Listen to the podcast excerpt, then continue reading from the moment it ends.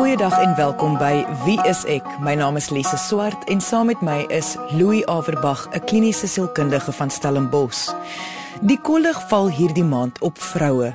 Soos almal weet, het die rolverwagting tussen mans en vroue oor die jare dramaties verander. Waar vroue meestal net die rol van ma of huweliksmaat en huisvrou vervul het, kan vroue nou al vir jare stem. Mag hulle hul eie toekoms kies en mag hulle selfs kies of hulle werknemer of werkgewers wil wees. Al hierdie voorbeelde klink dalk belaglik, maar jong vroue van so onlangs soos 60 jaar gelede het nie noodwendig hierdie vryheid geniet nie. Ek as vrou is baie dankbaar dat soveel vroue reg oor die wêreld geveg het vir die keuses wat ek vandag as vanselfsprekend aanvaar. So ons gaan vandag gesels oor die rolle wat vroue in vandag se samelewing vervul, hoe dit vroue affekteer en hoe hulle die verantwoordelikhede effektief kan bestuur. Ons gas is Ilse van der Merwe. Sy is 'n suksesvolle besigheidseienaar op Stellenbosch, 'n ma en is gelukkig getroud met haar man, Skalk. Ek is 'n ma van 'n kleuter, 'n 4 en 'n half jaar ou kleuter. En ek is 'n ek is getroud, so ek is ook 'n vrou en ek het 'n eh, ek is 'n kosskrywer en resepontwikkelaar, maar ek is ook 'n demonstrasie gasvrou. Ehm um, in Stellenbosch van my eie plek van 'n demonstrasie kombuis. So ek dink ek dra verskillende hoedings. Ek is ook uh, iemand wat baie op sosiale media doenig is in verskillende rolle.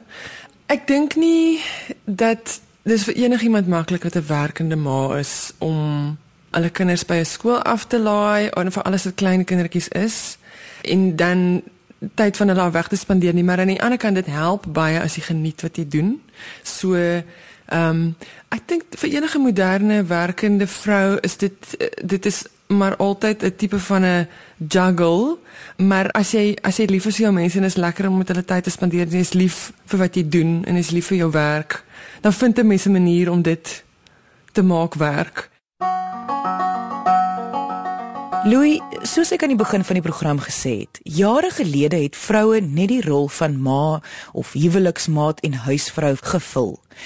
Maar voor ons aangaan, wil ek net 'n punt daarvan maak dat daar absoluut niks verkeerd is daarmee om vandag nog steeds net daardie rolle te vervul nie. Ja, om nou 'n suksesvolle besigheidsvrou te wees om jou plek of om jou plek vol te staan in die moderne samelewing beteken nie noodwendig dis persoonlike vooruitgang en dat dit nou beter is is om 'n huisvrou te wees nie. Ek dink waarvan ons hier praat is die vryheid om die keuse te kan maak. Wil ek 'n huisvrou wees? Wil ek 'n besigheidsvrou wees? Hoe wil ek my lewe bestuur? Kom ons gesels so 'n bietjie oor die verskillende rolle wat vroue in vandag se samelewing vervul. Dit is 'n geweldige volledige prentjie wat mens sien. En kom ons begin amper by die tradisionele rolle wat vroue speel. Die van om 'n ma te wees. Om mee te begin is een van die mees kernrolle wat vrouens vervul. Die rol van eggenote in 'n verhouding of die liefdesmaat in 'n verhouding. As daar kinders by is ook soms of nie. 'n Besigheidsrol, 'n broodwinnerrol wil mens amper sê. Mm -mm. Uh, dis lankal nie meer so dat die man is die broodwinner nie. Die vrou is nou net so goeie broodwinner. En baie keer doen vrouens sommer al hierdie rolle in een en nou praat ons nog nie eers van die rolle om 'n vriendin te wees nie, om dalk 'n suster vir jou 'n uh, broer of suster te wees nie. Jy's nog 'n dogter ook as jy 'n vrou is. Miskien is jou ouers nie meer lewendig nie, miskien sien jy hulle nie baie nie, maar jy is tog 'n dogter. En 'n vriendin. En dan praat ons nou nog nie eers van jou sosiale rolle of jou belangstellings nie. Of 'n kollega rol wat jy vervul of 'n ondersteuningsrol vir iemand anders nie. Jy luister na Wie is ek met Louie en Lise op RSG 100 tot 104 FM. Dit is 'n baie stresvolle posisie om jou eie besigheid te hê. Nou ek is 'n mede-eienaar van 'n besigheid in Stellenbosch en ehm um, Ek het 4 en 'n half jaar terug het ek 'n loopbaanskuif gemaak uit die musiekbedryf na die kosbedryf en waar dit alreeds dink ek baie stresvol was net om 'n loopbaanskuif te maak en vir 'n baie lang tyd in 'n oorgangsfase te wees waar jy nie 'n vaste inkomste het nie. Dink ek nie kan dit jou voorberei vir die stres wat dit is om 'n bestaande besigheid in 'n dorp te hê vir alle dorpe so Stellenbosch wat 'n verskriklike kompeterende veld in die kosbedryf is nie. Om 'n plek te hê wat 'n konkrete plek is wat met deure oopmaak met mense wat met salarisse verdien en wat hier moet betaal aan die einde van elke maand en wat die heeltyd iets nuuts moet genereer vir mense sodat hulle kan terugkom en sodat jy daai deure kan oophou verg geweldig baie van enige iemand. So belaglik soos wat die vraag mag klink, hoef jy nie al die rolle te vervul nie. Dit voel vir my op 'n kollektiewe vlak dat daar het so baie vroue in die verlede so baie opgeoffer vir my om vandag te kan doen wat ek wil dat ek nou druk ervaar om maar liewers maar alles te doen. Soms is dit vir my moeilik om 'n besluit te maak gebaseer op wat ek wil hê teenoor wat die samelewing nou van my verwag as vrou. Dit is 'n baie moeilike een want in hierdie opsig is dit nogal 'n bietjie van 'n dubbel boodskap ehm um, die samelewing wil hê jy moet mooi en aanvallig lyk wanneer dit nodig is, maar jy moet ook lekker kan raakvat in die in die besigheidsarea en nou nog sommer nog 'n effektiewe ma ook kan wees. Partymal is dit verwarrend. Ons verwag van jou om ferm en besluitnemend op te tree by die werk. Maar moet nou nie so kom wees by die huis nie. Hier moet jy nou lekker sagte ma daarom of eggenoot speel. Dis nie maklik nie hoe om wanneer en waar op te tree. Waar dit vir vrouens ontsettend moeilik moet maak.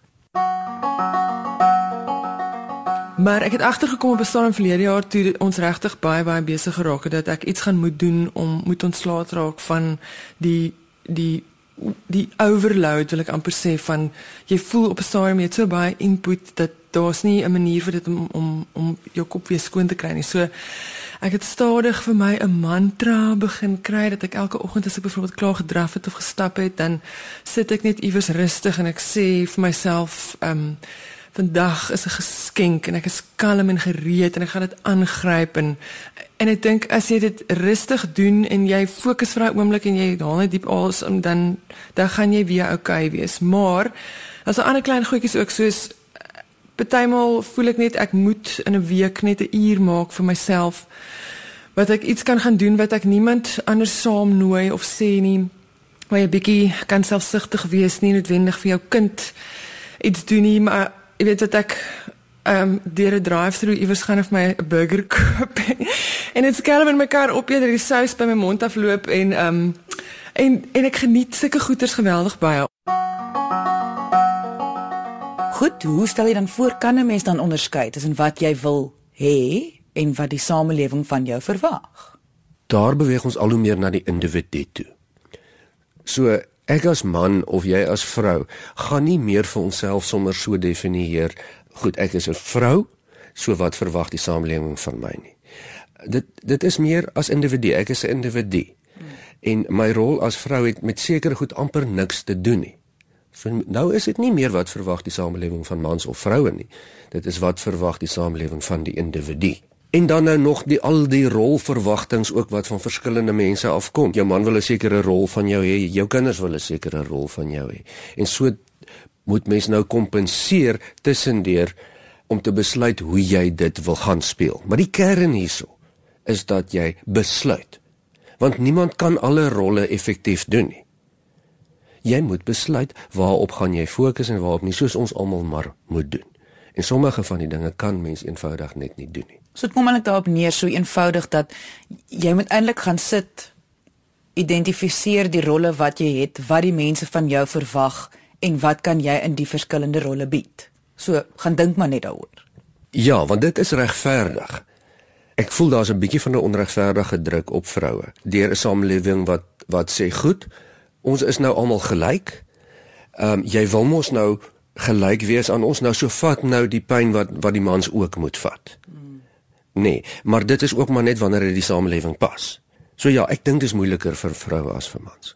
Daar is baie debatte reg oor die wêreld oor die gelykheid tussen mans en vroue. 'n Sekere groep wil hê vroue moet gesien word as presies dieselfde as mans.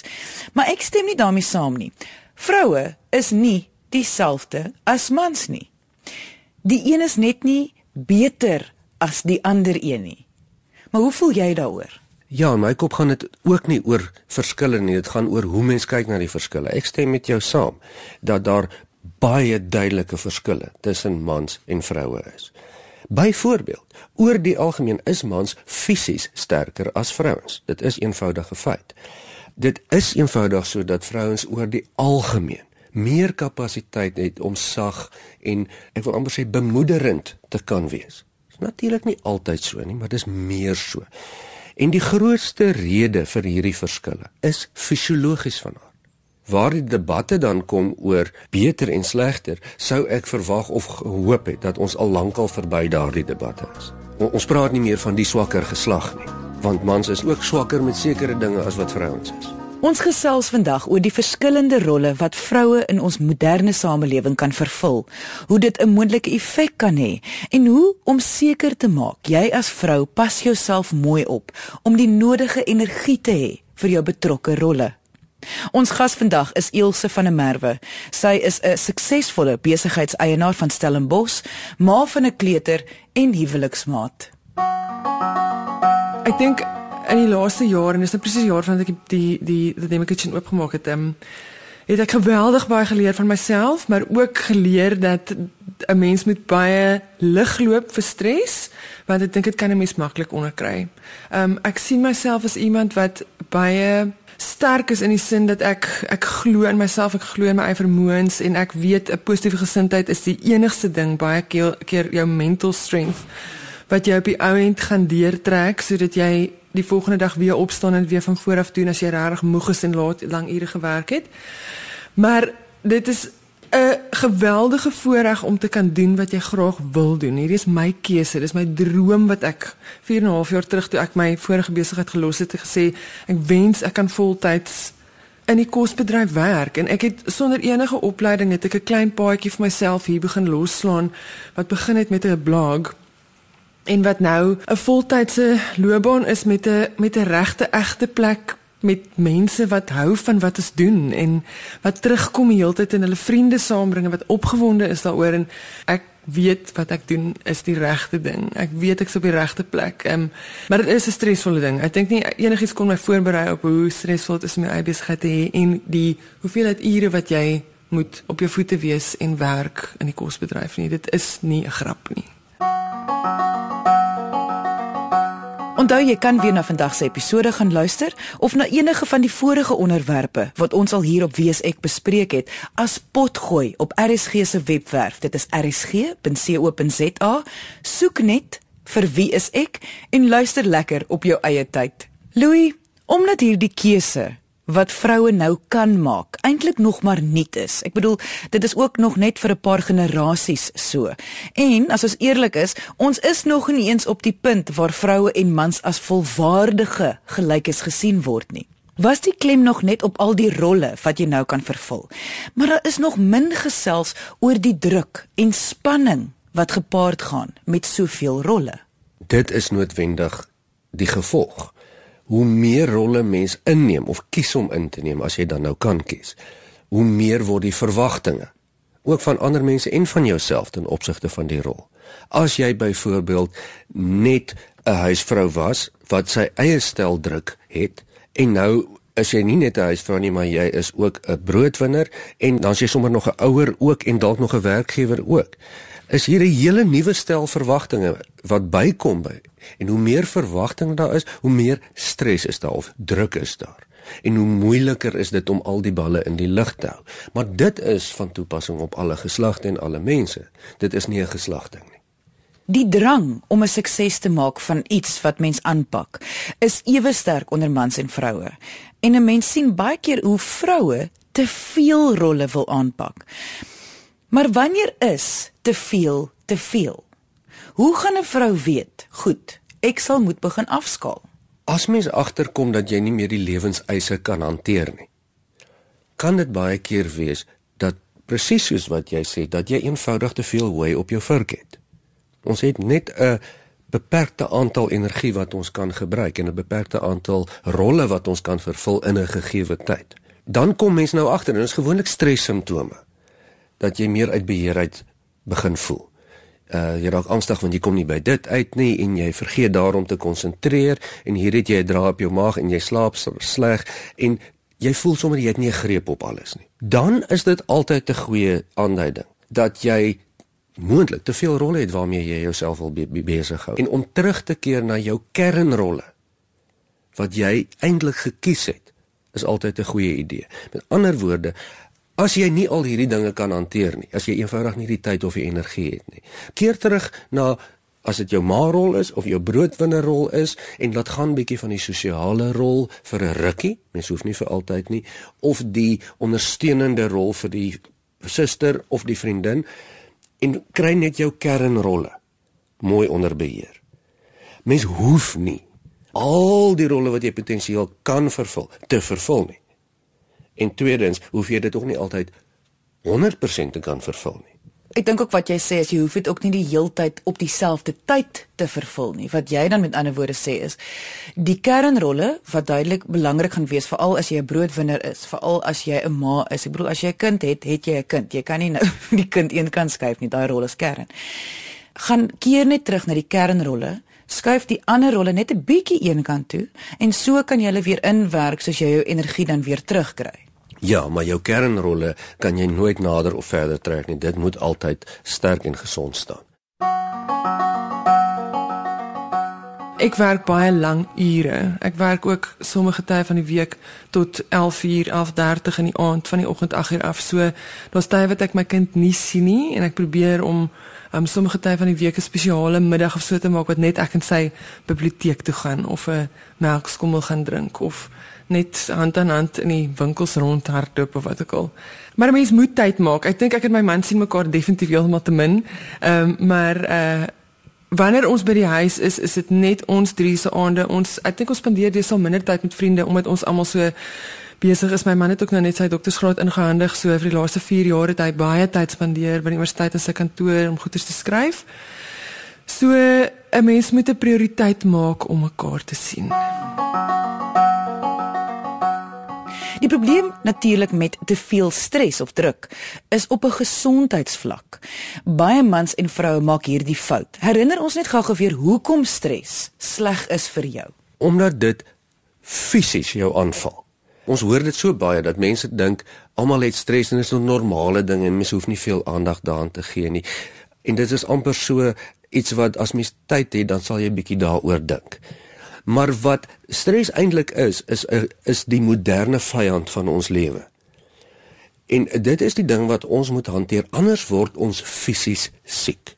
En dan kan ons niks hanteer nie. My fisies siek bedoel ek ons outomatiese senuweestelsel takel ons stadig maar seker af totdat ons lekker verlep is of ons is depressief of ons het nie meer energie nie want ons meganismes om ons stres te hanteer het nie gewerk nie of dis bloot uitgeput. Dis tog 'n interessante ding wat jy daar sê. Ek dink baie mense hoor goed stres is op 'n fisieke vlak baie sleg vir jou.